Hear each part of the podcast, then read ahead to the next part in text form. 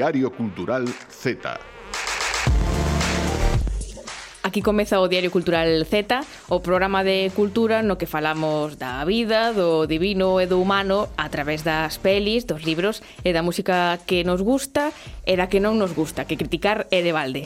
Eu son Lucía Junquera e para este programa para que sexa un programa mm, estupendo, maravilloso, o máis eh, escoitado de Radio Galega Podcast, preciso eh, como sempre, a Anxo Fariñas e a Silvia López.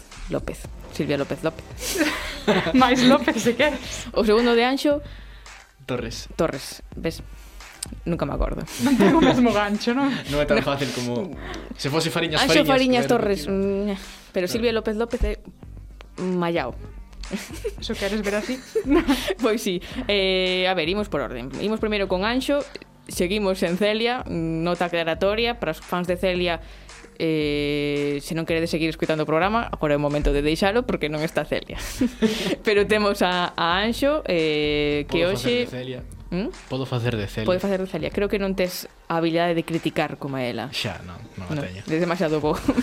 eh, pero hoxe, sendo bo, ves desprestixiar a, a un talento musical en expansión como é María Greb. Como te atreves? Pois, pois como me atrevo, como se atreve ela tamén a vir, a acceder. Iso tamén.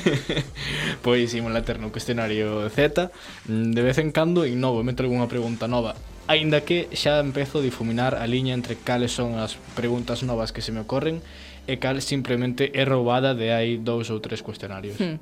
Non creo que lle importa a ninguén. No. O caso é a, a, a chispa que ten o cuestionario, da igual as preguntas. Te vai a ver sempre. Moi ben. Estás menos exigente cada vez, Lucía. No, no, pero eu creo que desta, destas eh, formas alleas ás convencionais é donde ven a maxia deste programa. Ben xustificado. por dicir algo. Para marcar, eh.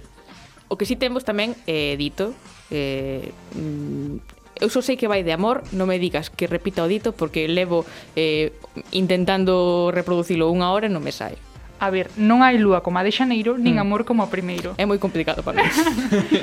bueno, ímonos poñer un pouco romántica, seguro, para falar desa cousa que se sente cando se senten cousas que non sabes que se poden sentir, ollo aí. Espera, a ver. Wow pero eh, tamén de, de como este refrán, de como as pelis, a música, as series e idealizan un pouco eses primeiros amores, a veces con razón e outras non tantas, hai que dicilo. Vale, pois xa veremos como nos vai ese tema.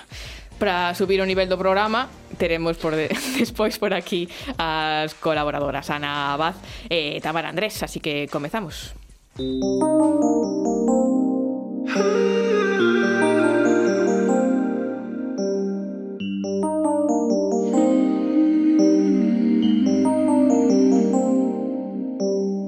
Fallos como platos son as seis da noite Non sei que facer lata xo non soubido Sei que ansiedade miña amiga Fiel non teño outra forma de ser Pirulas a sofán que es Te atrapado no meu corpo hey. Outro día máis que vou perder Tantos anos de terapia que Sigo sen poder crecer Diario Cultural Z están pasando as mentes máis creativas das novas xeracións de artistas galegos. Na pintura, na música, na literatura, no teatro, no cinema... Descubrimos a súa maneira de pensar, desfrutamos falando con eles, escoitándos e, por suposto, desfrutamos do seu traballo. Pero non esquecemos que é iso, un traballo, e que, polo tanto, debe ser remunerado. Un informe da SGAE do 2019, o máis recente ata a data, establece que só un 19% dos autores e autoras de Galicia son quen de vivir do seu traballo artístico. Son músicos e camareiros, escritores e profesores, pintores e administrativos. Hoxe imos escoitar moito unha palabra, precariedade. Que non me falen porque farei dano Estou canso de estar sempre tan canso Agobiado e outra vez non vou quedar que coño está facendo Debería loitar pero Din que os, de, os da xeración Z tendemos á melancolía E que é a melancolía senón un xeito de resistir? A precariedade é unha das formas máis habituais que adquire a desigualdade no capitalismo e hoxe é o modo predominante de traballo. É tan habitual que tende a pasar desapercibida. E se falamos de precariedade nas artes, é aínda máis habitual. E se falamos de precariedade nas novas xeracións, é aínda máis habitual. Por que acontece isto? Dende cando é así? Cando deixamos de pensar mentres vemos unha película e lemos un libro? Xa non temos tempo para reflexionar, queremos estar entretidos. Como afecta isto aos artistas? Mira la niña como corre, tiene miedo y no se esconde, puede contra la adversidad. Mira el cielo, hay tormenta, alguien en este planeta quiere salir a la calle igual. Mira fondo, cuántas caras descontentas que buscan algo estable esta sociedad. Mira esos que bien viven y que poco han cocinado para conseguir estar alto. Algunos están tan alto y otros intentan Sobrevivir con lo pouco que dá Viejos, viejos Non sempre é o caso, pero a propia arte podería ser unha víctima desta precariedade. A velocidade a que consumimos cultura provócanos estar sempre pendentes do novo, do máis recente. A música, as series, os libros rapidamente pasan de moda, abúrrennos. Queremos máis. Falamos en termos como produto, consumo, industrias culturais, como se a arte fose algo producido en cadea nunha fábrica. Primeiro o papel, logo mete uns parafusos, unha capa de pintura e un anaco de plástico envolvendo todo. Se devoramos cultura a ese ritmo, provocamos que a industria demande máis dos artistas e máis rápido. Aquí entran en xogo os artistas novos. O perfil é semellante en moitos casos, persoas con moita formación e moita vocación que botan anos a malvivir antes de ver remunerado o seu traballo, porque ser artista non é doado e pode chegar a ser algo incomprendido polos demais. Tiñamos unha sección no Z no que falábamos con xente da cultura xa consolidada, os grandes nomes das nosas artes. Preguntábamoslle polos seus 20 anos, por como comezaran no seu, e resulta sorprendente que case todos eles mencionaban a falta de apoio que tiñan na casa. Que pai quere que a súa filla sexa actriz ou pintora, mellor algo co futuro. Así que se na túa casa non lles gusta moito que queiras tocar a pandeireta, sempre podes pensar que na de Xavier Díaz tampouco vían con vos ollos. Pero falábamos antes de vocación, A precariedade nas artes camuflase moitas veces con motivación e voluntarismo. Os artistas gustalles o seu traballo e, polo tanto, estarán dispostos a cobrar un pouco menos ou mesmo a traballar gratis por ter unha oportunidade. Que afortunados son por dedicarme ao que me gusta. Pero non, non vos enganedes. Os likes e a visibilidade non son unha moeda aceptada polo Fondo Monetario Internacional.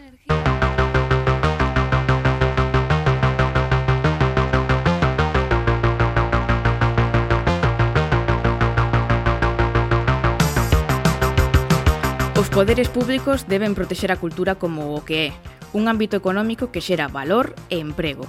Hai que fomentar a creatividade como medio de resistencia do sector cultural e polos efectos beneficiosos que ten na sociedade. A creación cultural debe servir para axudar as persoas a ser máis libres, máis iguais e máis diversas.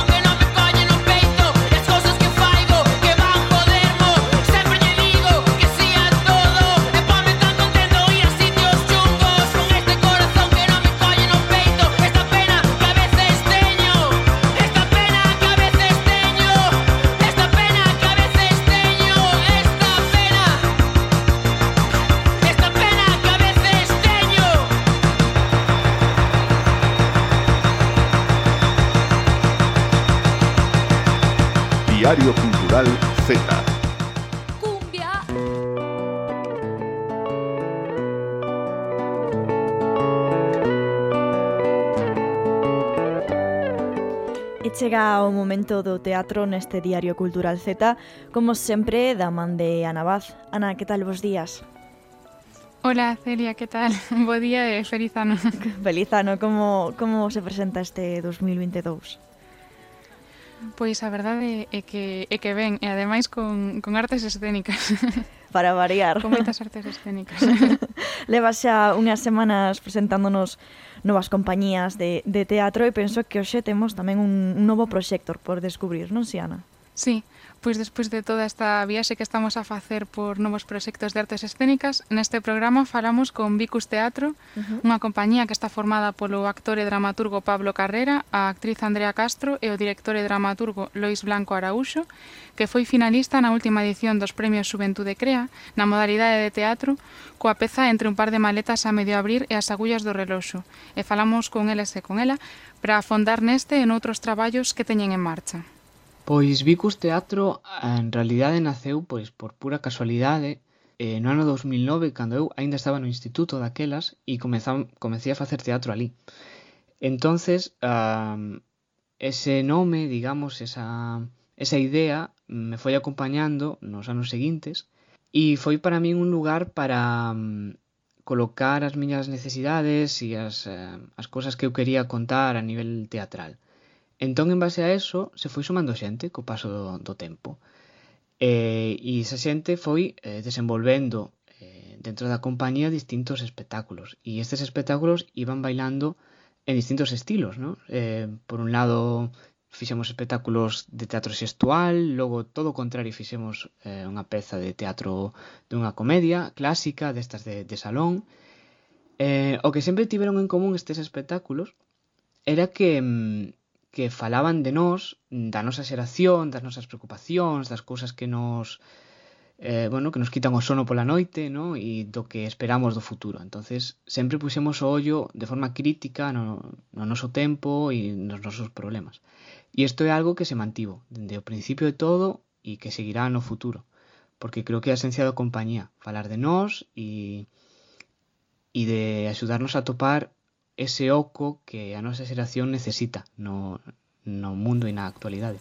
Eh, Celia, ese proxecto iniciado uh -huh. por Pablo cando estaba no instituto e que foi evolucionando ao longo dos anos, uníronse Lois, Aitrés e Andrea este ano pasado, 2021, logo de coñecerse na Escola Superior de Arte Dramática de Galicia, para iniciar unha nova etapa da compañía, aínda que sempre comprometida con manter esa voz xeracional da que nos falaba Pablo.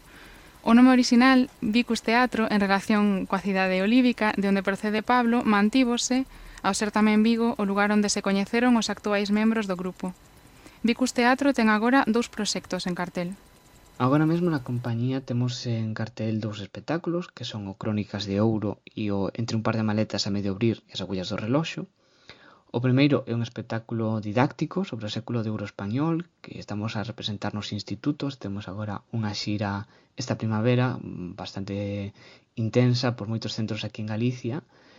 E neste espectáculo o que facemos é representar monólogos e escenas de pezas do século de ouro, de Lope de Vega ou de Calderón, explicando os, as linguaxes das compañías daquela época, de como se representaban, como se actuaban, esta, estas pezas, non? Un pouco sacalos do libro para que os rapaces e rapazas o poidan ver eh, en pé, ver exemplos prácticos, ver como sona o verso e percibir ese teatro de outro xeito, non?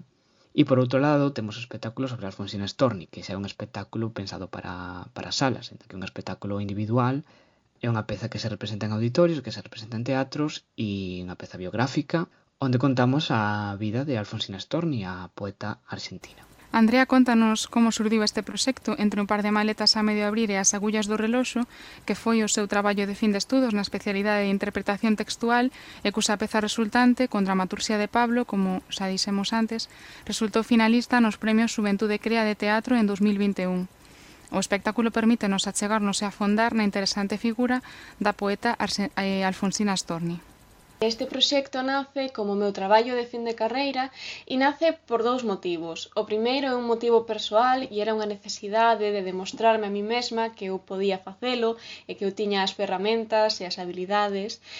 E por outra banda, a intención de darlle voz a unha muller que é moi pouco coñecida en España, de feito eu coñecina por casualidade, pero que ainda así é un referente en Latinoamérica, especialmente en Argentina. Este traballo é un monólogo que parte dos seus poemas para contar momentos importantes da súa vida e outras cousas como a súa relación con diferentes autores como Horacio Quiroga ou Lorca ou Borges con algúns mellor relación e con outros peor. Tamén así mesmo hai, hai un obxectivo de falar sobre as dificultades e as circunstancias adversas contra as que as mulleres ainda temos que loitar a día de hoxe, case un século despois do seu nacemento. E tamén en base a iso, o ano que ven se cumplen 130 anos do seu nacemento, de maneira que este vai ser unha excusa para a chegar esta persoa a máis xente, especialmente aqueles estudantes que, debido a pouca presencia femenina no seu currículum escolar, precisan novos referentes. E para este novo ano, precisamente, Vicus Teatro arranca con moitísima actividade, xa que ademais de seguir mostrando estas dúas obras que teñen en xira, xa teñen prevista tamén a creación de tres novos espectáculos. Unha nova peza cunha clara orientación didáctica de cara ao próximo curso escolar e outros dous espectáculos máis dirixidos aos escenarios. O que vamos a facer é a continuar coa dinámica dos espectáculos didácticos, entón, nese sentido, desenvolveremos un novo espectáculo para o curso que ven, Estamos barallando agora distintas opcións, pero a idea será a mesma que co espectáculo do Crónicas de Ouro, que será coller eh, algún período teatral que se estudia nos libros de texto, entrar a profundizar nel e sacar exemplos e, e escenas e fragmentos para representalo e, e, como sempre eu digo, sacar das listas de autores e obras a vida que está nesas obras, non? E se poñelo en pé e que se poida e que os rapaces e as rapazas poidan velo e ver como sona e un pouco achegarlles ao teatro dende outra, dende outra perspectiva. Entón, nese sentido, continuaremos cos espectáculos didácticos e eh, temos dous espectáculos tamén a desenvolver, un que será probablemente sobre Penélope e outro que, se si todo vai ben, será un espectáculo de comedia del arte sobre un, un monólogo en clave de comedia del arte con un único actor e nel abordaremos temas de actualidade, non? Desde a óptica deste tipo de linguaxe, non? Desde a, os gags, a, os chistes e as, os xogos escénicos dese estilo teatral. Pois para poder seguir as novidades da compañía, podedes seguilos tamén no seu perfil Vicus Teatro, tanto en Facebook como en Instagram, e Celia dendo Z estaremos uh -huh. tamén moi atentas a eses novos proxectos que están a cocer para este ano. Pois que, que maravilla, Ana, coñecer proxectos tan cargados de ilusión como este Vicus Teatro da man de Pablo Carrera, Andrea Castro e Lois Blanco Araúxo. Dende logo agardamos dende o Z e xa máis persoalmente como Celia que este 2022 sexa unha noche de, de actividades para a compañía e que saian adiante todos eses proxectos que teñen en vista. Ana Vaz, un placer e moitísimas grazas como sempre por presentarnos este proxecto tan fermoso. Moitas grazas, Celia. Adeus. Se puiderades preguntarlle calquera cousa a un famoso, que preguntaríades? Anxo Fariñas, o noso Risto Mejide persoal. non, non. Gañacheste iso. Como? Si só dixen unha vez e de feito borreino de todos os registros para que... Para Pero que quedou nos... aquí nas nosas cabezas. Bueno, non te des probas diso. Abrimos cuestionario Z. Quen é a pobre vítima a que trouxeches hoxe? Que pobre vítima, si tú en luxazo. pois hoxe neste escenario entre cómico, medio pelo e prepuber está a cantante María Grep. Moi boas, María, que tal? Hola, que tal, bo día. Hola. Bueno, primeiro de nada, como sempre, imos comezar polo non só pregunta, pregunta e consello eh, Neste caso, eu aconselloche particularmente, pídoche que non sigas o consello que lanzou a Eda Tar, ainda que a pregunta vale, vale, que tens que responder. Escoitamos. Pois mira, o meu consello é ser un pouco pillo ou pilla, Uh -huh. Non digas toda a verdade, Ui, porque este ten que para ti. no, no, no me, eu non mentí en nada, porque teño sorte de ser unha persoa moi cívica e que me sale todo bien en la vida. Ou mellor estás pero, nos metiendo agora. Vale. Por ser, non, non se sabe. Pero eso, que sea un pouco pilla, que non fai falta contar toda a verdad. E a miña pregunta é, cal foi o sitio máis raro no que fixer? Vaya, pois... Sí, por favor, conta a verdade. Sigue o exemplo de Aida Tarribo e non o Consello. Eh, bueno, eh, xa com, o Consello xa non está forte. mal, eh? A ver, dende a miña posición teño que decir que sí que está mal. Bueno, non é mentir, eh, é non contar toda a verdade. Hai que quedarse algo para un. Vale, e a pregunta foi? A pregunta... Vale, sí, sí, sí, a pregunta era... Eh, insisto, fixo a Aida, non nos? Non nos volvemos responsables. Cal foi o lugar máis bizarro no que fixeches? Pois vou contestar eh, a pregunta seguindo o seu consello.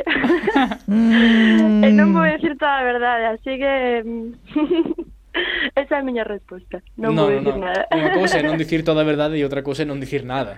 é dicir, dinos sendo que sexa o segundo máis bizarro, se si queres guardar o primeiro. Que tampouco hai, non, non existe, non existe, non hai ningún raro. Todo normal. Ai non aceptamos pulpo como animal de compañía, bueno. pero, pero pero pasamos palabra, aceptamos. Sí, sí, sí, paso palabra. De hecho, pregunta para a próxima persona que veña. Vale, comezamos entón xa as nosas propias preguntas por Perfecto. pola de sempre que mm, coa que pedimos xa que vos definades a vos mesmos os entrevistados. María Greb, cal é o teu trazo máis sexy? Mm, trazo físico físico, do que sexa, mm, do que sexa, sí. de personalidade, do que ti queiras. Bueno, eu diría que mm, a alegría, a risa, rirme, uh -huh. ser alegre. Pode ser ese. Tengo pues, a miña percepción. Dende fora non teño ni idea. Un bo trazo. Mm, a que lugar levarías a unha primeira cita para impresionala? Mm, Mm, algún sitio así de natureza, super bonito, de cerca da miña casa, no monte, por exemplo. Muy Con unas vistas así bonitas, sí. Bucólico, natural, fantástico, sí, sí. vaya. Eh, mm, imos entrar xa directamente no, no oficio, na profesión. Veña. Que é o que máis odias de dedicarte á música? O que máis odio dedicarme á música? Mm, pois posiblemente, a ver, odiar é unha palabra moi forte, pero o que menos me gusta posiblemente a inestabilidade ou mm. sempre como que sempre haxa mil opcións para todo, que sexa un camiño como moi inestable. Eso sería. Non é como dedicarte, pois, vou ser médico, nos próximos seis anos xa sei como vai ser a miña vida, que por unha parte xa non me gusta, pero por outra dá un pouco de tranquilidade mental, non? Sí, ser médico é moi fácil, eh, eu tampouco. é moi fácil, eh, é fácil na vida. Mm, que outras imprescindibles hai no kit dunha cantante galega? Pois eu creo que mm, um, o primeiro creo que fai falta ter personalidade propia uh -huh. eh, como facer o que máis che gusta eh, e xa está pois por exemplo bueno, non sei non, non caer como en estereotipos, creo Um, o segundo, eh, que tres, claro, imprescindible. o segundo, ir siempre para adelante, votar y morro, creo. Porque es, ah, fai es imprescindible en la vida como... en general. Sí, sí pero bueno.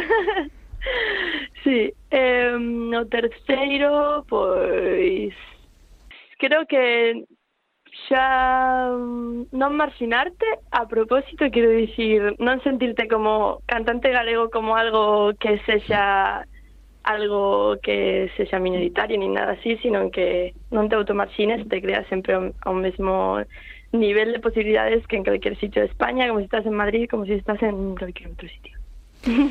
Bendito. Pois sí, eh, en na liña desas pistas que lanzaches, eh, dese kit de imprescindibles e eh, do que máis do que menos che gusta de, de ser unha sí. un artista, em, dedicarte á música, tes algún antirreferente? Unha, un artista no na que non te queiras converter? A ver, é unha resposta a medias, porque, por exemplo, penso en Aitana, que eu, a mí encantame Aitana. Eh, non sou fan, pero case. Pero é verdade que como artista non me gustaría ter esa imaxe como de non sei en que parte está ela de todo o que fai, pero hmm. de, de fora por lo menos parece que pouca e a min eso, pois creo que me agobiaría un pouco. Creo que prefiro tener as riendas da miña música e da miña da miña trayectoria. Entón, aínda que me encanta Itana e as súas cancións, pois na parte de artista preferiría ter un pouco máis de control. Bueno, moi ben, non, non nos mollou na, na do lugar extraño, pero pero nesta das poucas que se mollaron, eh? Sí, sí, sí, sí, sí. De todos Díame. xeitos, non por terche aceptado ese pasapalabra penses que vas safar da parte do T, porque a parte do T é máis a metade do cuestionario Z. E, e imos xa comezar por aí, ahora que xa temos a, a unha cantante alegre, cos antirreferentes ben claros. Sí. Eh, vale, pois que non queres que saiba nunca túa nai de ti? Puf, pois, mm, obviamente non o diría, pero é que tampouco teño así como un gran secreto que non quero que saiba ninguén, na verdade. Mm, quizás que son máis vaga do que ella, ela pensa. Posiblemente, pero non teño así nada super oculto ni nada. Bueno, iso ten mérito, é normal é que pensen que somos máis vagos do que, do que somos. sí, a verdade que sí. Cal dirías que é o maior ridículo que cometiches? Puf, ridículo sí que teño moitos. Eh... Mira, artísticamente vou falar dun eh, unha vez toquei nun sitio que non vou dicir nomes eh, aquí en Galicia Maldito Consello da Beata Terrible eh, e, e eh, eh, bueno, que dime a metade do tempo prácticamente, bueno, eh, eu non sabía que tiña que tocar tanto tempo, tiña que tocar unha hora ao final, entón saín pois aos 30, 40 minutos do escenario, entón cando baixei, mm, pois con cara de póker dixeronme que tiña que volver a sair, que non sei que, que tiña que que, que, que chegar co tempo, tal. Eu, claro, mm, Agora mesmo xa aprendín e dirían que non, que será o meu repertorio xa está, pero nese momento sentíme mm, soa e perdida, non sabía que facer e volvín sair ao escenario. E iso foi eh, horrible, o sea... Ai, pobriña. Eh, porque claro, eu tiño un repertorio e pois eh, o que hai, eh, entón pois puxeme aí a, a falar, a contar cousas, a repetir cancións e tal, e foi, o sea, espero que todo o mundo que viviso non, non o recorde nunca máis na vida, porque para min foi, logo baixei do escenario e non quería sair a, a, a fora, era como, non, non, non, non, que vergüenza. eh, ese foi bastante ridículo. Eh, e non foi hace tanto, entón, pois diría ese. Mm, na liña da pregunta de máis te que era que lanzaba Tarrio ao principio, chega a pregunta estrela do cuestionario Z, que foi, bueno, é con que banda sonora tiveches a túa primeira vez? Puf, pois... Mmm, Non había música, eh, e non sou de recordar así o que soa, verdade. Non é algo moi importante no momento para min. Certo, é que tampouco ten por que ser moi importante. O que pasa que... Sí, sí, sí. Vale, vale. Non, pero sí que xente pois, que ten hasta playlist e todo, ¿eh? eu, pois... Sí, sí, bueno, aquí no, escoitamos de todo. Sí. ACDC... Quen dixo as EDCs Unhas bandas sonoras Sí Algún día verá que, que facer playlist Un programa de playlist. Non era mala idea eso. Non era mala Pois pues sí, eh Eh, sí, buena lucha. bueno, espero que, que non sufriras demasiado. Non creo, porque intúo que ocultaches bastantes cousas, seguiches sí, máis bueno. o, o consello que, sí, que o exemplo de aí. Pero nada, moitísimas grazas e Antes de despedir, queríamos pedirche mm, pois a tradición, non? Para, para fiar todas as entrevistas. Non sabemos sí. quen vai ser o, o a seguinte convidada, pero mm, necesitamos que lle lances ti un consello para afrontar este cuestionario ¿Vos? e unha pregunta, unha pregunta eh, que non te atreverías a contestar ti. A ver, moi mal para, para daros, pero bueno. Diría que conteste dende a súa persoa de artista e non a súa persoa de persoa. Como cunha identidade diferente para que todo quede en segredo e non se non sigan demasiadas cosas persoais. Ai, vas nos tirar coa esencia do cuestionario, eh? bueno, é o meu consello, podes seguirlo non. É eh, unha pregunta, a ver, Vale, se tivera que dixi... Bueno, non é que esta é xa para mala persoa. Non, non, non, no, esas, no, no, esas son as que nos gustan, esas son as que nos gustan. Xa non vas ter que contestar ti, mira polo lado bo. sea, bueno, se tivera que dicir unha persoa do panorama galego ca que ter algún tipo de relación íntima, cal sería? Wow, eh, fan desta pregunta. Moi boa pregunta. Inés de Poñera, claro, seguinte sí. convidada, e ademais voucha roubar para os seguintes cuestionarios. Ben! Isto é tradición de Anxo. Sí. sí, ao final o cuestionario non o faco eu. Eh. claro, claro, é o truco. Moitísimas grazas, entón, María Greu, bueno, que espero gracias. que pasaras moi ben. Sí, nos, claro. Nos fixémoslo, moitas grazas. Veña, chao.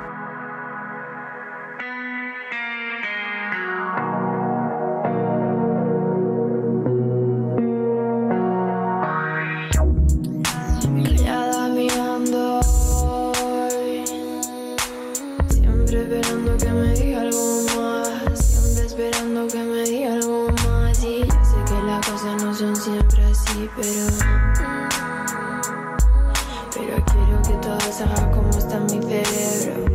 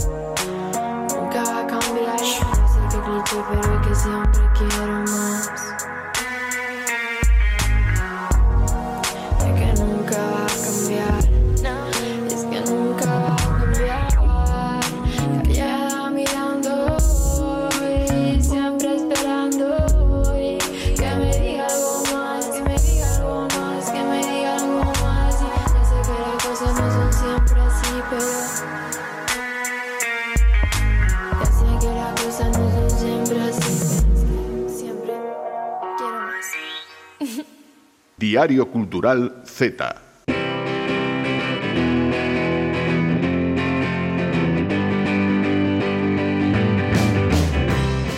A ver, vos, que vos credes moi modernos. Iso xa o dicían os vosos avós hai 60 anos.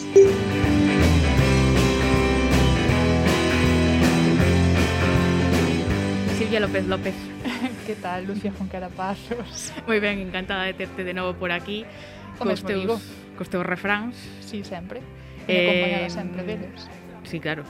Comezamos 2022, eh, entón estamos aquí arrancando esa primeira páxina do calendario, xaneiro, os refráns van moito diso, e hoxe imos falar, a ver, do primeiro amor e das lúas de xaneiro. Sí, correcto. Eu non entendo nada. Mm, eu, o meu entendimento tampouco chega tanto, pero imos tratar de debullar a ver que pode dicir isto. E si imos falar de Luas de Xaneiro de Primeiros Amores porque o dito popular ou refrán escollido hoxe é ese, non hai lúa como a de Xaneiro, nin amor como o primeiro. Vale. Xa sabedes que, que o refraneiro popular tira moito do calendario, así que como estamos no mes de Xaneiro, pois pues, aí que vai. Así que si imos falar deses primeiros amores, de como os idealizamos, de como nos marcan, como os lembramos, que che parece? Maravilloso, para poñerse así melancólico xa a, a principios de anos. Pois veña, imos falar de amor, de primeiros amores, e entón empezamos con Call Me By Your Name. Oh, to see without my eyes. The first time that you kissed me Boundless by the time I cried. I built your walls around me. White noise, what an awful sound. Fumbling by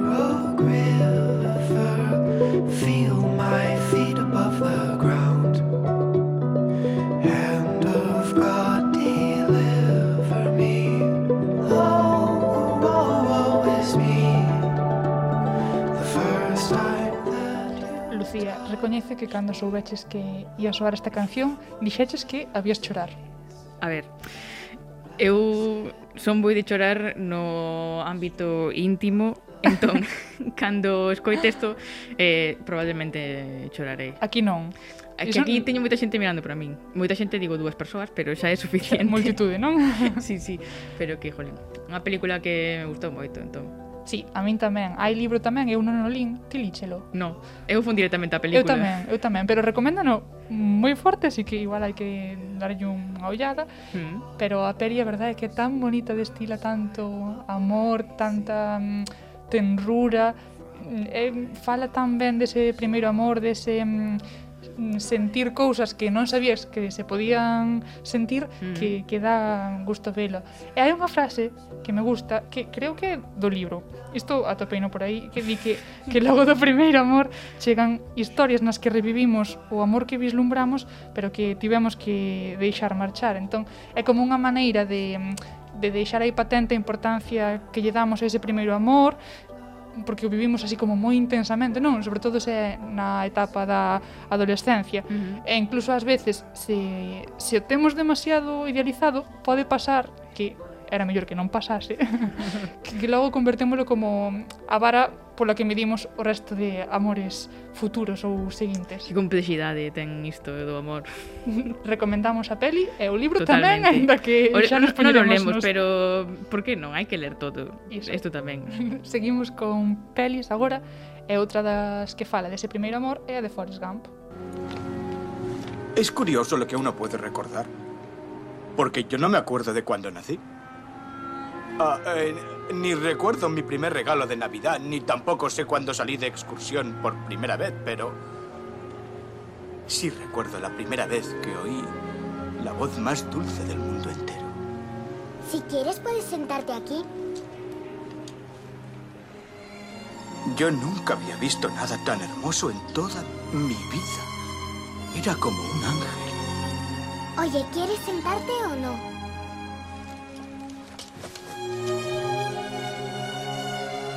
Te pasan las piernas? No me pasa nada, gracias. Mis piernas están perfectamente perfectas.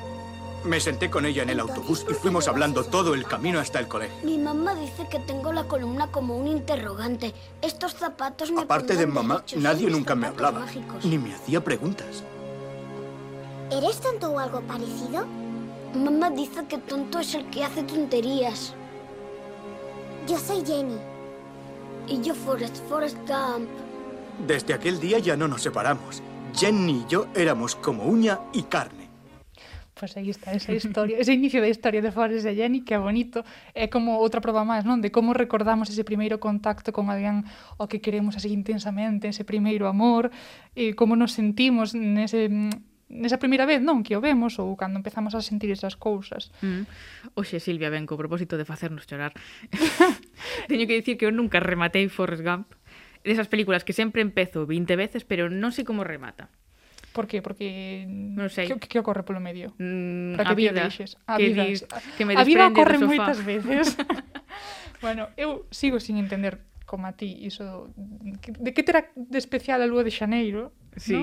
Pero eu creo que sí que vamos entendendo xa un pouco eh, que é o que ten de especial ese primeiro amor, por que nos marca, por que o recordamos, tamén por que están idealizados así en xeral con razón ou sen ela, iso xa depende un pouco da historia, pero eh, para que quede aínda máis claro, imos traer outra peli, a última por hoxe, que é a da vida da Del.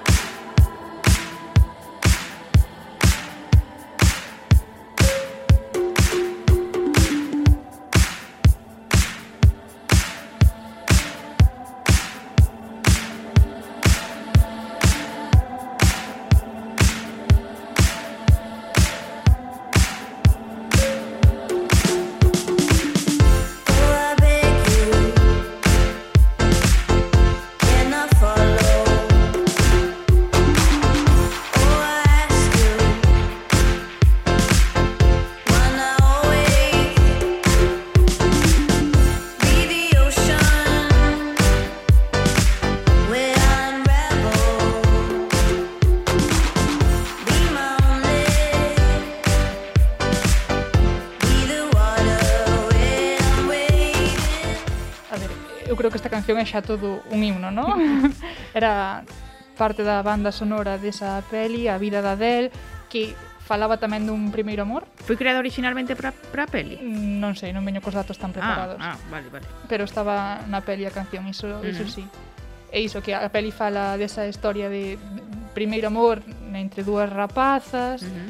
e mm, van elas dúas van explorando pois a novidade que iso supón para elas, entón o tempo que van eh, sentindo esas sensacións eh, relacionadas ao sentimento amoroso tamén teñen que ir sufrindo bueno, prexuizos e problemáticas varias desta sociedade enfermita uh -huh. Didi, eh, que eh, te eh, vexo. Sí, no curioso, porque tam, no caso de Call Me By Your Name falamos sí. tamén dun amor entre dous homes, sí. pero isto que falas da sociedade enfermiza non se ve para nada nesa outra película. Sí. Bueno, vese moito menos. Mm pero o certo é que non sempre son fáciles eses primeiros amores, aínda que nos o idealicemos. E iso quería conectar agora. Sí. Así nunha reviravolta quedou a ver, A ver por onde sais. No, no, no. Con un libro que é o de Mala Herba de Manuel Javois, mm porque tamén aí se relata unha historia moi especial, o primeiro amor do protagonista, que chaman Tambu, que, bueno, aparte de ter que enfrontarse a circunstancias así complicadas na familia, eh, Tambu coñece a Elvis, eh, que é outro neno aí que vive no mesmo edificio, empeza a sentir por el cousas que non sabía que podía sentir, non sabe se que era poñerlle nome a iso que, que sinte. É bonito nese sentido, está escrito, a verdade, con bastante sensibilidade, recomendo. Uh -huh. E seguindo con libros, traio tamén o de Eleanor Ann Park, de Rainbow Rowell. É este unha... non o coñezo. Mm, non sei de que vai. Pois conto xa agora, é unha vale. historia, foi un bestseller Estás me que, querendo decir algo? No, Foi un, un bestseller, dato, por no, favor. No, Debía no, checar no. a cara de vergoña. No, no, non no, no, para nada. É un dato máis aleatorio. bueno, conta a historia de amor de dous adolescentes que, mm, digamos, son un pouco distintos ao, ao resto, outsiders que lle chaman. eh, e un e outro pois namoran desa forma que unha se namora nas primeiras veces cando sentes que, que non tes nada que perder pero neste caso eles son conscientes de que este primeiro amor non lles vai durar para sempre que non é para toda a vida pero ainda así pois non queren deixalo pasar eh, queren intentalo. Ese é outro tema. Somos conscientes de que ese primeiro amor vai durar para sempre ou que non? Había que falalo, eh? Hai que falalo. Noutro momento. Eh? Noutro momento. Non, non nos micros, eso non é cousa de falar nos micros. bueno, o que sí que queda claro é que, ao fin e ao cabo, o único que queda é o amor, como dicía o libro de Agustín Fernández Paz, que, por certo, recomendo moitísimo, o libro de relatos, relatos deses primeiros amores, de amores máis tardíos, de amores que van incluso eh, despois de, da morte, amores nas súas distintas vertentes, un libro bonitísimo. Así como extra. Así como extra, sí. e nos, como, como Andrés do Barro e como Ataques Campe, imos quedar seguindo falando de amor.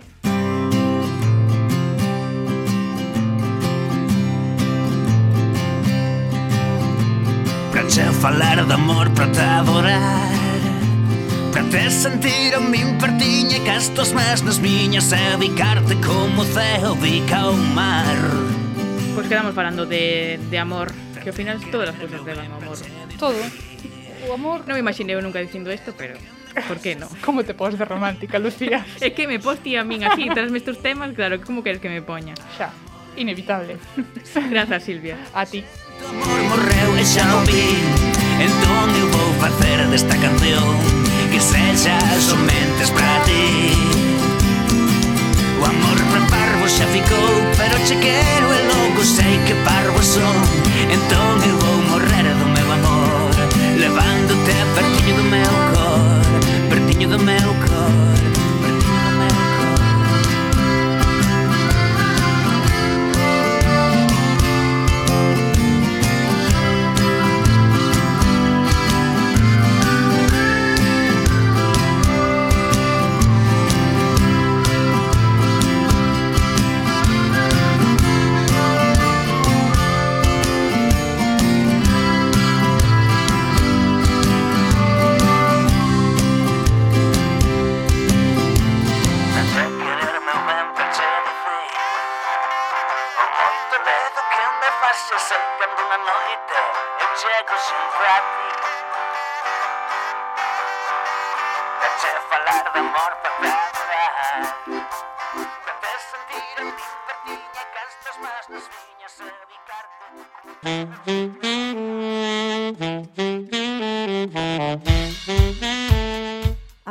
e sintonía que presentan a Tamara Andrés e que nos achega, por suposto, a literatura.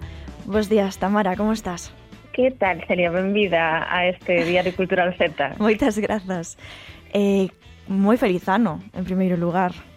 Igualmente, eu quería che preguntar xa para empezar este ano se tites algunha recomendación, algunha lectura coa que empeces o ano, xa para empezar a, a falar de libros un pouquiño. Pois mira, non teño unha recomendación, pero sí teño un libro moi pendente que teño na miña lista dos Reis Magos, que é ese pequeno álbum de Nova York en inverno, esa edición Ajá. de Rodolfo e Pristila, que ao que lle teño moitísimas ganas, e, e a ver se teño sorte cos Reis Magos. Mira, pois eh, cadramos xusto un pouco na, na mesma liña porque uh -huh. eu merquei no Culturgal a poesía como arte insurxente tamén de Rodolfo e Priscila, uh -huh. o libro de Lorenz Ferlinghetti que traduciu agora tamén Daniel Salgado, así que estamos aí, hai algo que, que nos une de momento. e hoxe imos falar dun libro que a verdade é que me ten ben interesada que é unha rapaza de provincias, non? unha novela editada no xa pasado 2021 por Xerais e da que vas falar con Cecilia Santomé.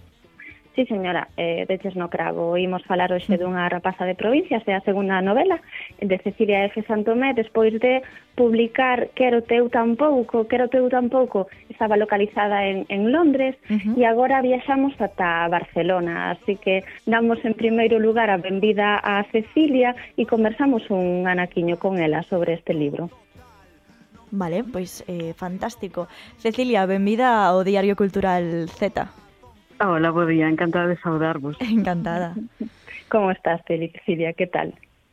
Pois moi ben, moi ben, con moita gana de, de bullar canda vos esta novela que fai tanta ilusión, porque penso que é unha historia que entronca con moitas vivencias nosas, é unha especie de homenaxe a ese pasado común que temos tantas familias. Mm, e un, un pasado recente, xustamente, non? Eu mentres, mentres salía e tamén, mentres pensaba na historia, tamén a, a colocaba un pouco en paralelo a virtudes e misterios, non? De Xesús Fraga, son historias dunha emigración, neste caso, inmigración, non? No caso de, de virtudes uh -huh. e misterios, emigración, unha historia recente que de algún xeito está presente en todas as nosas casas, coido. Sí, efectivamente. Mira, fai hai nada, hai apenas unha semana tive a ocasión de participar nun club de lectura.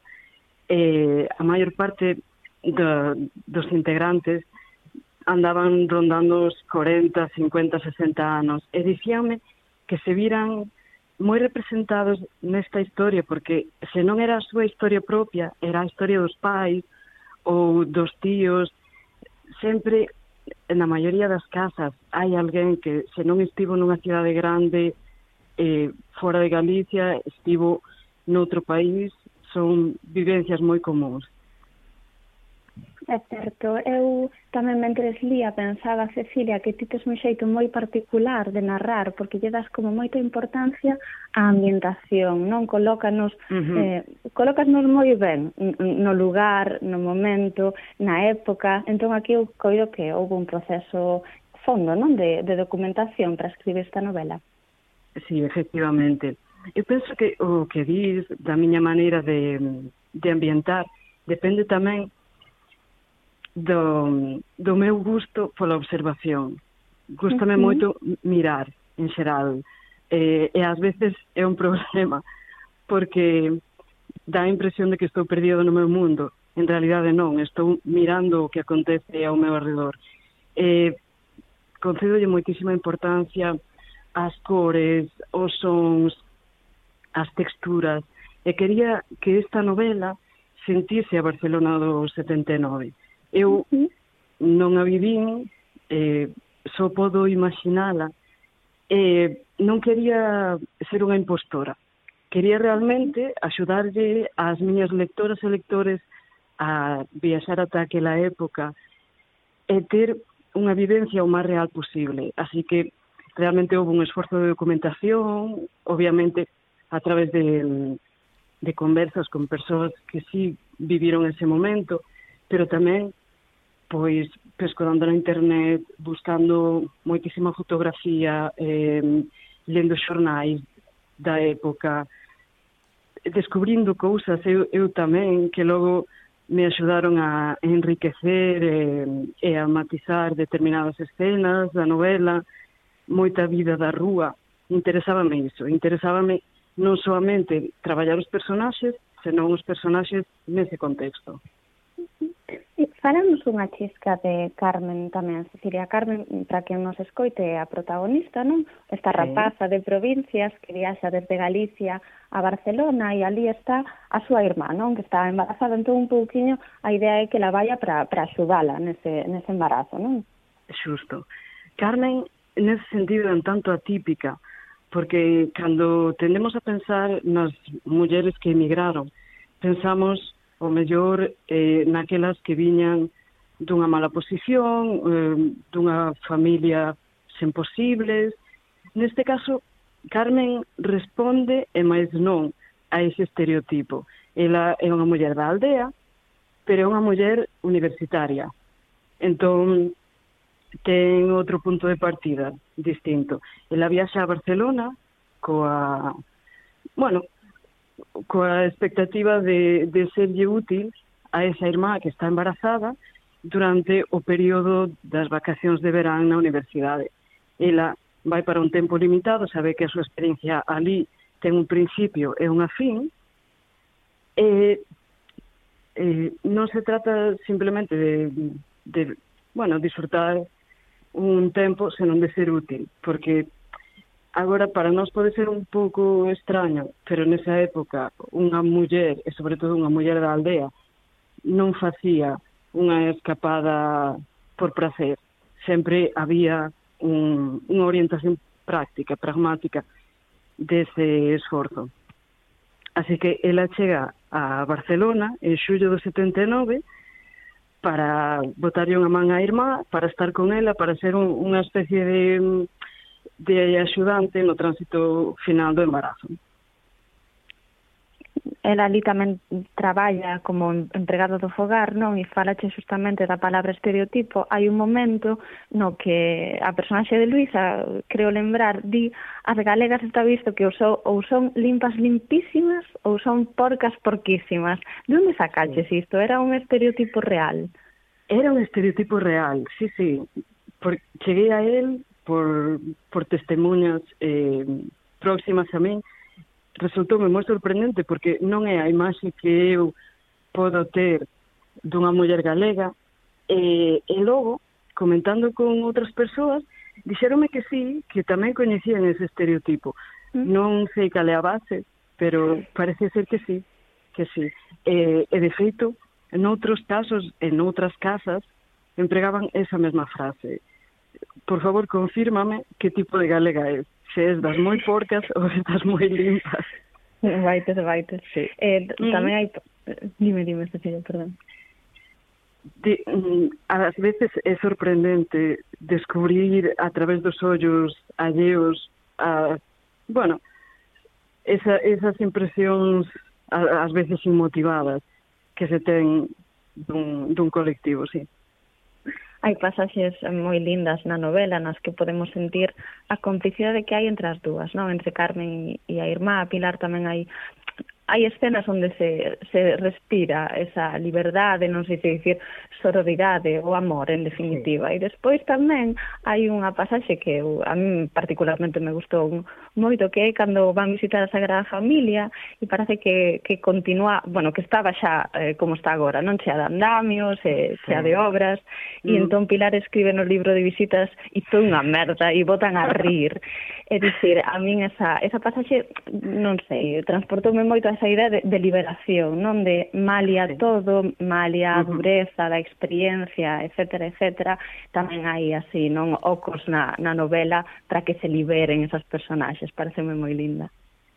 Claro, é que o que non podemos pensar é que porque sexa unha vida dura e esforzada, como obviamente era, eh, e moito máis estando tan lonxe dos seus, non existían oasis de, de felicidade e de distensión. máis aínda, tratándose dun ambiente familiar como o que conseguiron crear elas neses tres meses que eu retrato.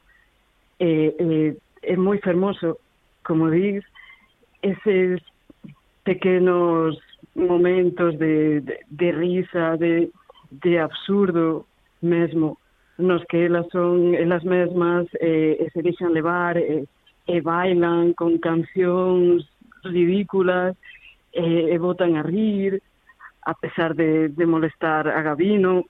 E fan cousas simplemente porque non deixan de ser persoas novas que teñen soños, teñen expectativas eh, e o día a día pode ser duro, sí, evidentemente, pero teñen moitísima forza e moitísima moitísimas ganas de ser e de, de vivir.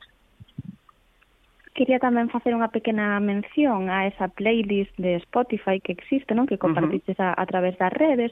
A mí o que me sorprendeu ler a novela que esas cancións non son cancións que aparezan. De feito, eu creo que só aparece unha canción na novela que é la de la mochila azul. Entón, quería sí. preguntar por, eh, por, por qué, non? Polo motivo desa, desa playlist a playlist en realidade non ten tanto que ver co texto en sí como co proceso de creación meu. Eu para escribir, eh, nese proceso de documentación do que falaba antes, tamén necesitaba sentirme que, que vivía un pouco nese tempo. Eh, que mellor maneira de facelo a través da música. É música que na miña casa tamén soou e soa aínda eh, e apetecíame crear como esa especie de marco sonoro para a novela. En realidade, non, non é eh, non é que apareza na novela en sí, pero ten moito que ver con ela. Temos que rematar aquí xa esta pequena entrevista, Cecilia, pero como sempre, eh, nos queremos pedir a nosa entrevistada que nos recomende un libro. Pois mira, Hai nada, hai apenas unha semana remataba de ler o último de Sally Rooney, eh, Beautiful World, Where Are You?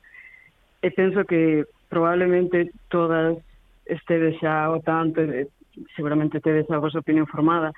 Así que, no canto de falar vos del, que tomaríame todo un programa, eh, gustaríame recomendarvos unha descoberta que fixen tamén recentemente de Fede Nieto, editado por Hurtado e Ortega, que se titula Hai recuerdos que querrán abandonarme. E interesoume moito porque lévanos aos primeiros compases da ditadura argentina e faino a través da ollada dunha nena, unha filla dunha parella de militantes de esquerda. E además faino dunha maneira moi peculiar porque xoga cos xéneros. Hai narrativa, evidentemente, é a estrutura principal, pero logo mestura tamén con toques de dramaturxia rompe esa parede e interpélanos directamente, cosa que me parece maravillosa. E, e tamén xoga co, co realismo máxico, introduce pequenos toques de realismo máxico para facer unha especie de mm, viaxe pola memoria familiar. E creo que é unha novela formal e temáticamente moi interesante. Así que aí vai a miña recomendación. Pois moitísimas grazas por esta recomendación tan boa, Cecilia grazas a ti, como sempre, Tamara, por achegarnos un pouco máis a obras tan chulas como esta rapaza de provincias. Un placer as dúas por estar aquí no, no Diario Cultural Z. Moitas gracias a vos. Un placer. Grazas, unha aperta. Outra aperta. Unha aperta. Diario Cultural Z. Oh, i, oh, ai, oh, eu vou ao restaurante tomar.